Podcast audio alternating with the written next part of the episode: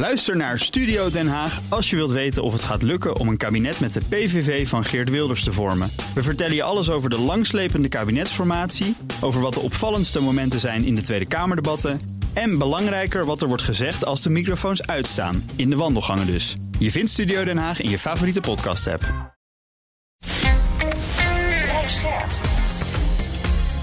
BNR Nieuwsradio. Boekenstein en de Wijk. Hugo Reitsma. Welkom bij Boekenstein en de Wijk, dag 658 van de oorlog in Oekraïne, dag 68 van de oorlog in Gaza. We moeten het vandaag doen zonder Arjan erop en dus toevallig een dag dat er ontzettend veel gebeurt. Nou, dat mag je wel zeggen. Ook bovendien hebben we vanavond nog weer een theatershow in uh, Rotterdam. En Rotterdam? Dan, dan is Arjan er wel bij. Er wel weer bij. Dus uh, Gisteravond zag ik dat er nog een paar kaartjes waren voor Rotterdam. Ik weet niet of dat vandaag nog zo is, maar mensen ik kunnen het proberen. Ja, echt heel weinig. Maar goed. Voor ons is het uitverkocht in ieder geval. Nou, even, we beginnen met, uh, met de Oekraïne. Grote aanval uh, geweest uh, door Rusland uiteraard op Kiev. Ja. 53 gewonden zijn er gevallen. we zien eigenlijk de afgelopen dagen dat er steeds van dat soort aanvallen worden gehouden. Gisteren nog een grote aanval op de Zaporizhia Oblast. Maar op Kiev is het nu de derde grote aanval in een week met drones en raketten. Uh, dat past wel, vind ik, in het uh, algemene beeld dat uh, Rusland in het offensief is gegaan. Met name rond Avdivka wordt er hm. enorm gevochten. De strijd die wordt daar gehevigd, verhevigd. Nou, als je naar de kaart kijkt, dan is Avdivka, Avdivka zo'n zo'n hap uit het bezette gebied. Dat kan je eigenlijk nog maar bereiken, dat stadje, via de noordwestelijke route. Eh, dan kan je dat gebied binnenrijden. En eigenlijk moet je constateren dat eh, Rusland nu probeert om ehm, dat hele gebied in te nemen en het, eh, de stad te omsingelen. En als het klopt, ehm, wat ik heb gezien, is dat ze eigenlijk nu ook aan de buitenwijken staan, of bijna al in de buitenwijken staan, ja. vanaf Divka. Ja. Maar het is niet alleen daar. Hè. De Russen zeggen zelf dat ze ook een belangrijke vooruitgang hebben geboekt bij Novopokrovka. Dat is in Zaporizhia, zeg maar het gebied waar het Oekraïnse tegenoffensief zich dit jaar concentreerde. En daar wordt ook aangevallen door de Russen bij de Dnipro. Dus ze zijn eigenlijk overal bezig uh, het initiatief weer terug te nemen, lijkt Ja, dat klopt. En uh, als je dus kijkt bij die Dnipro, daar hebben we, uh, dat hebben we gezien als een van de schaarse successen voor Oekraïne van de afgelopen tijd. Eh, omdat ze namelijk in staat zijn geweest om een bruggenhoofd te vestigen aan de andere kant, dus aan de oostkant eh, van de rivier. En daar zie je nu dat generaal eh, Teplinski, die is eh, aangesteld als de commandant van de troepen in dat deel van het front. Die is nu bezig met het vormen van speciale bataljons waarmee uh, de Oekraïense verdediging kan worden doorbroken. Nou, of dat gaat lukken, moeten we nog zien. Maar ook daar zien we dus uh, allerlei acties om die strijd te kunnen verhevigen. Ja. Nou is er vandaag, uh, of gisteren meen ik, een uh, gedeclassificeerd Amerikaans rapport ja. vrijgekomen. Dat stelt dat Rusland inmiddels 315.000 troepen heeft verloren in de strijd in Oekraïne, dood of gewond. Wat neerkomt op 90% van de initiële aanvalsmacht.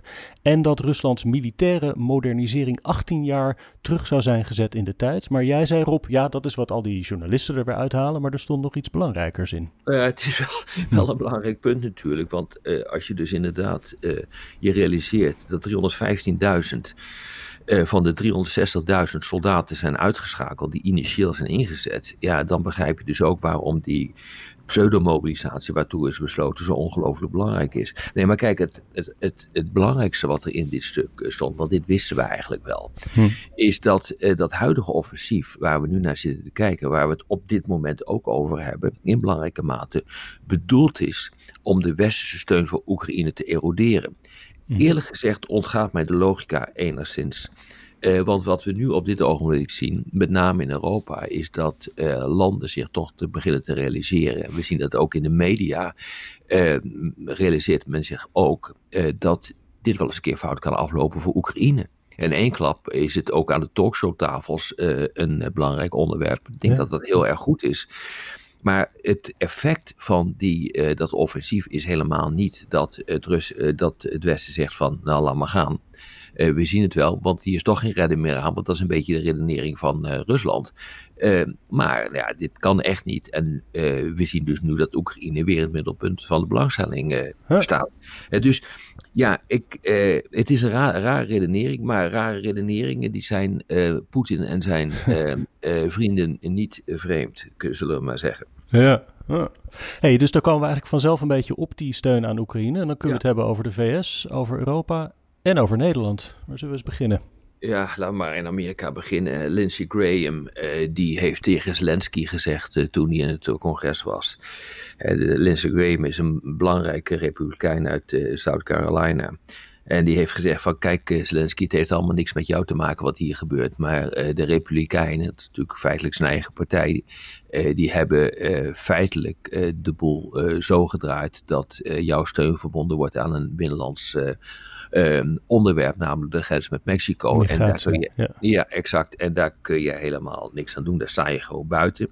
En we zagen ook dat sommige republikeinen uh, eigenlijk klaagden dat Zelensky kwam. Van wat moet die man hier eigenlijk, want wij hebben belangrijkere dingen te doen. En uh, die grens is echt veel belangrijker voor ons dan Oekraïne.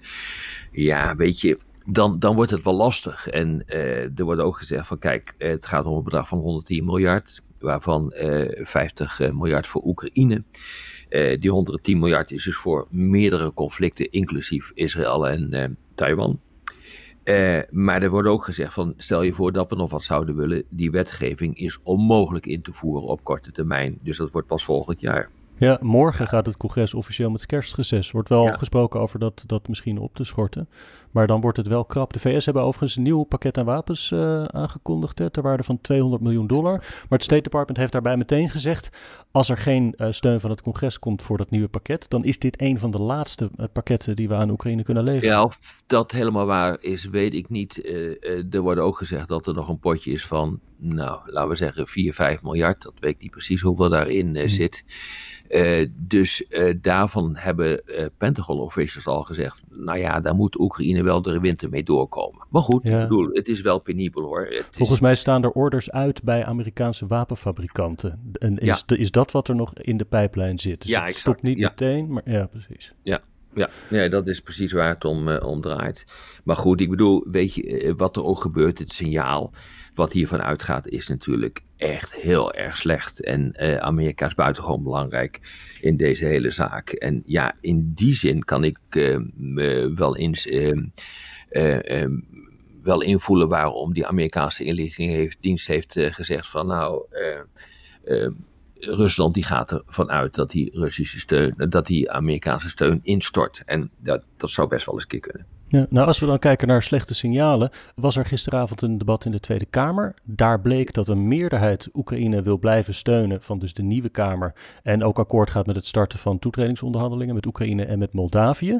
Ja. Maar Arjan zat het gisteravond bij ons vorige optreden in de kleedkamer te kijken. En die was toen heel optimistisch gestemd van, oh, ik hoorde iemand van de PVV en die, die zei er eigenlijk niks over. Dus misschien uh, valt het allemaal mee. Ja, maar de, de PVV heeft inderdaad tegen hulp en tegen toetredingsonderhandelingen zich uit uitgesproken. Maar ook NSC en BBB, die zijn dan wel voor steun, maar die staan op de rem als het gaat om toetreding. Dus je ziet eigenlijk wel een groot deel van de regeringscoalitie waar nu eh, serieus naar gekeken wordt, die toch heel anders tegen Oekraïne aankijkt dan Nederland tot nu toe.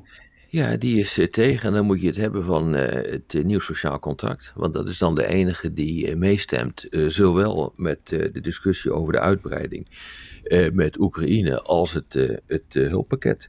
Maar kijk, bij de PVV moet je toch constateren dat die in zijn oude rol is teruggevallen. De PVV'er Emiel van Dijk die zei van ja, die miljarden die kunnen we beter in Nederland zelf besteden. Ja, weet je, het, het zijn niet de miljarden die, waar Nederland over kan beschikken.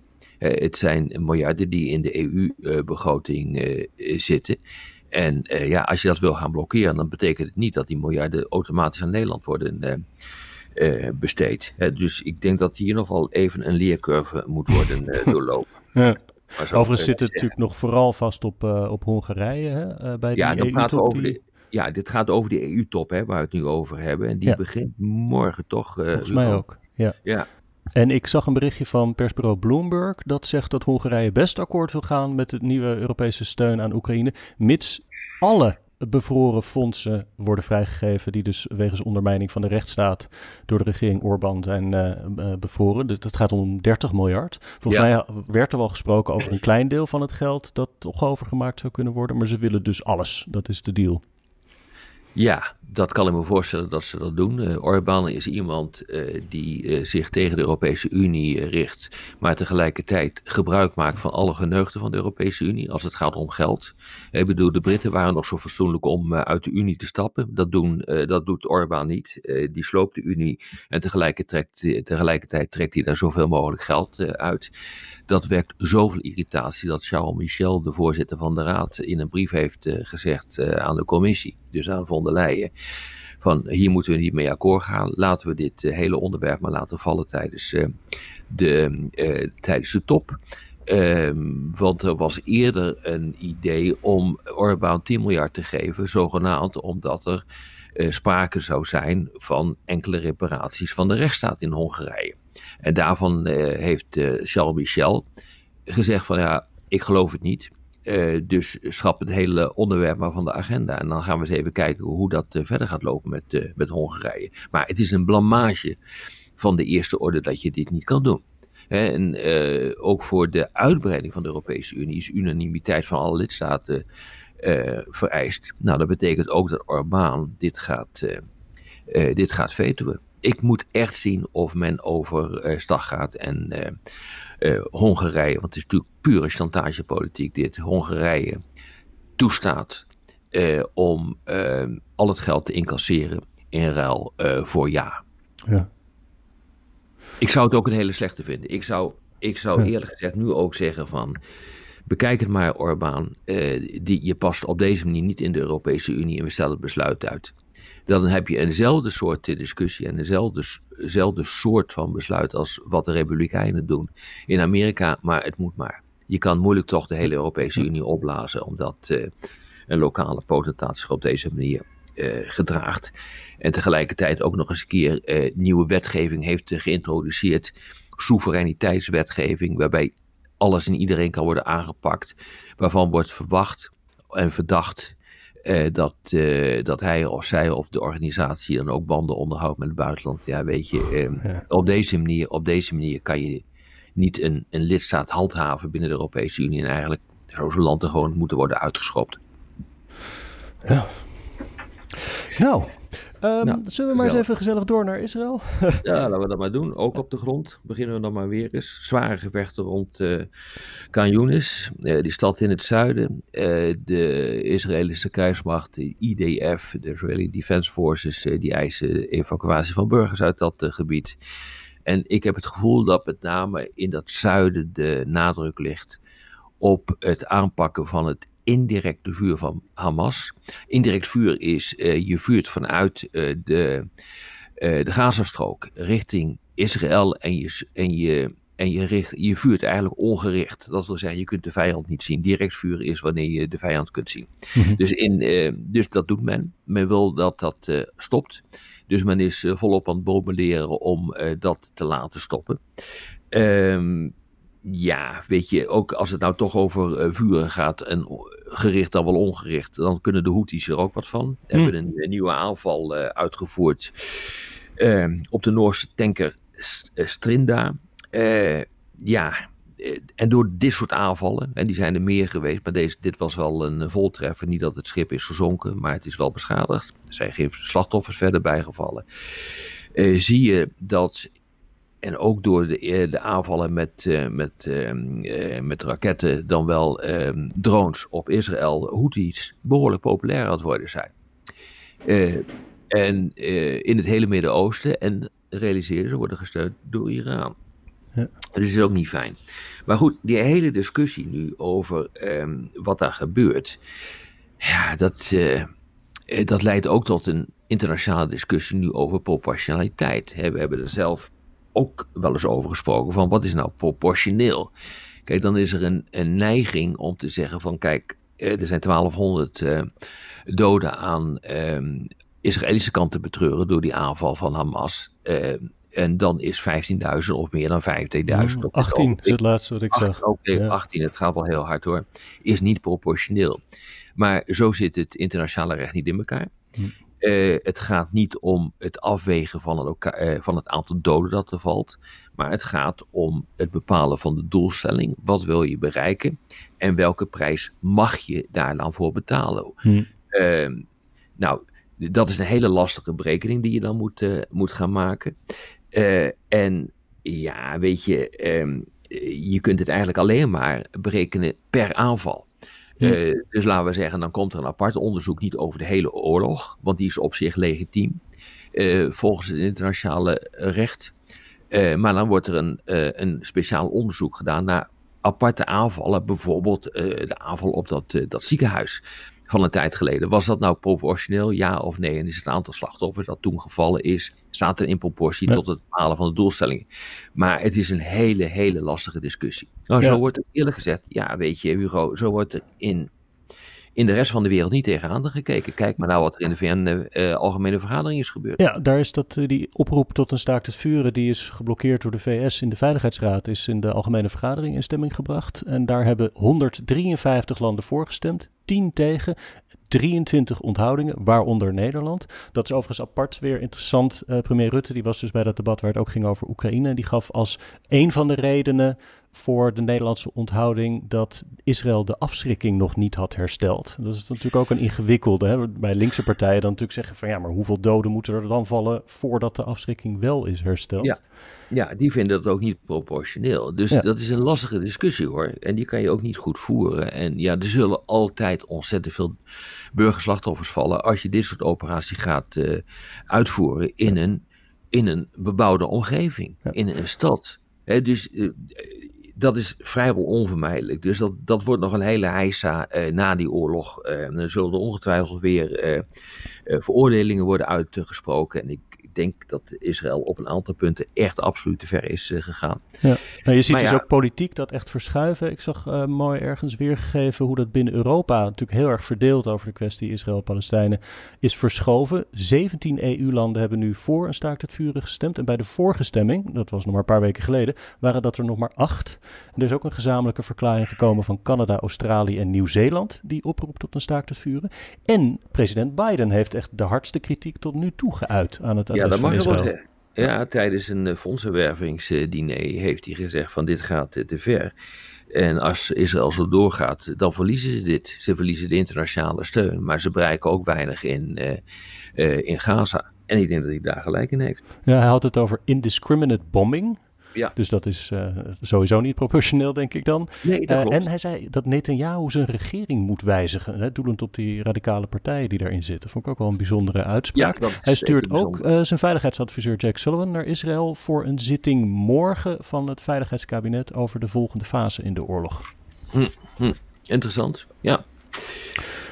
Nou, even, even eh, afsluiten met de NCTV. Gezellig. De Nationaal ja. Coördinator Terrorisme uh, en Veiligheid. Die heeft het dreigingsbeeld uh, uh, gepubliceerd. Het dreigingsbeeld 23. Dat is een periodiek document dat, dat uh, dat, dat wordt gepubliceerd. En waarin ook het nieuwe dreigingsniveau wordt vastgesteld. Nou, die is van 3 naar 4 gegaan. 5 is het hoogste dreigingsniveau. Het is nu substantieel. Dus dat betekent dat, een, dat een aanslag denkbaar is. Ja, het heeft alles te maken met de Gaza-oorlog. Wat, het is een, een, een, goed rapport. Ik raad iedereen aan om dat eens te downloaden. Dan begrijp je ook een klein beetje hoe het werkt. En hoe dus ook die internationale context enorm inwerkt op onze veiligheid. He, dus IS, Qaeda, uh, die gebruiken de Gaza-oorlog op dit ogenblik om sympathie uh, te, te sporen, om slagen tegen te plegen. Hm, en je verbinding hapert een beetje, maar volgens mij is het het volgen. Ja, ga door. Uh, dat wordt nog een keer uh, verergerd uh, door de Koranverbrandingen, waar hmm. wraak op moet worden genomen. Hmm. En ja, wat je ook ziet, is dat een andere voedingsbodem is de polarisatie die in het Westen zelf plaatsvindt als gevolg van die Gaza-oorlog.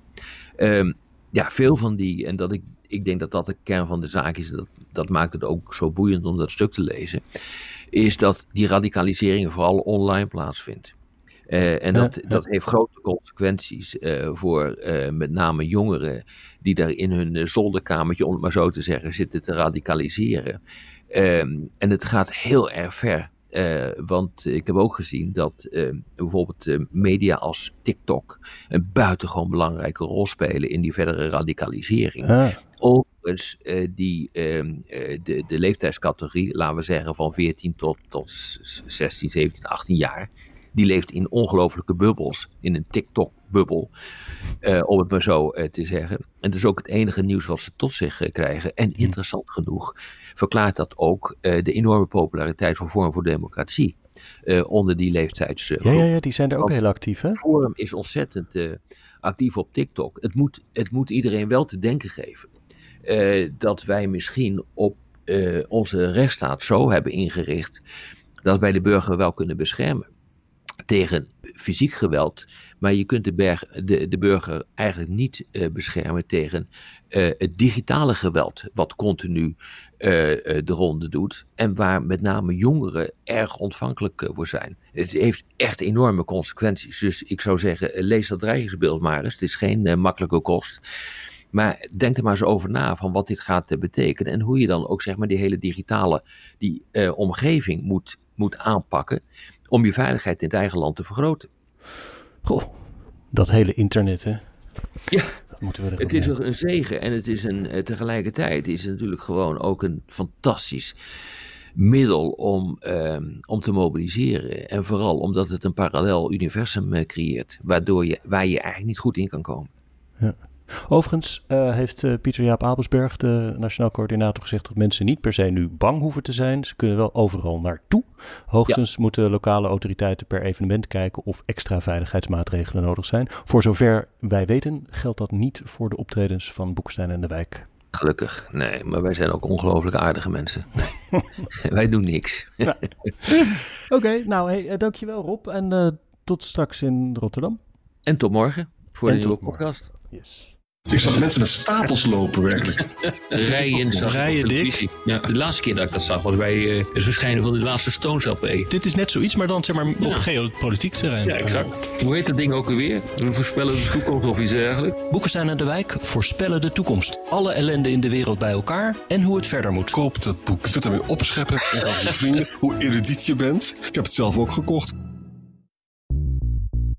Bij BNR ben je altijd als eerste op de hoogte van het laatste nieuws. Luister dagelijks live via internet. Bas van Werven. En heel langzaam komt de zon op rond dit tijdstip. Je krijgt inzicht in de dag die komt op BNR, het Binnenhof in Nederland en de rest van de wereld. De Ochtendspits. Voor de beste start van je werkdag. Blijf scherp en mis niets.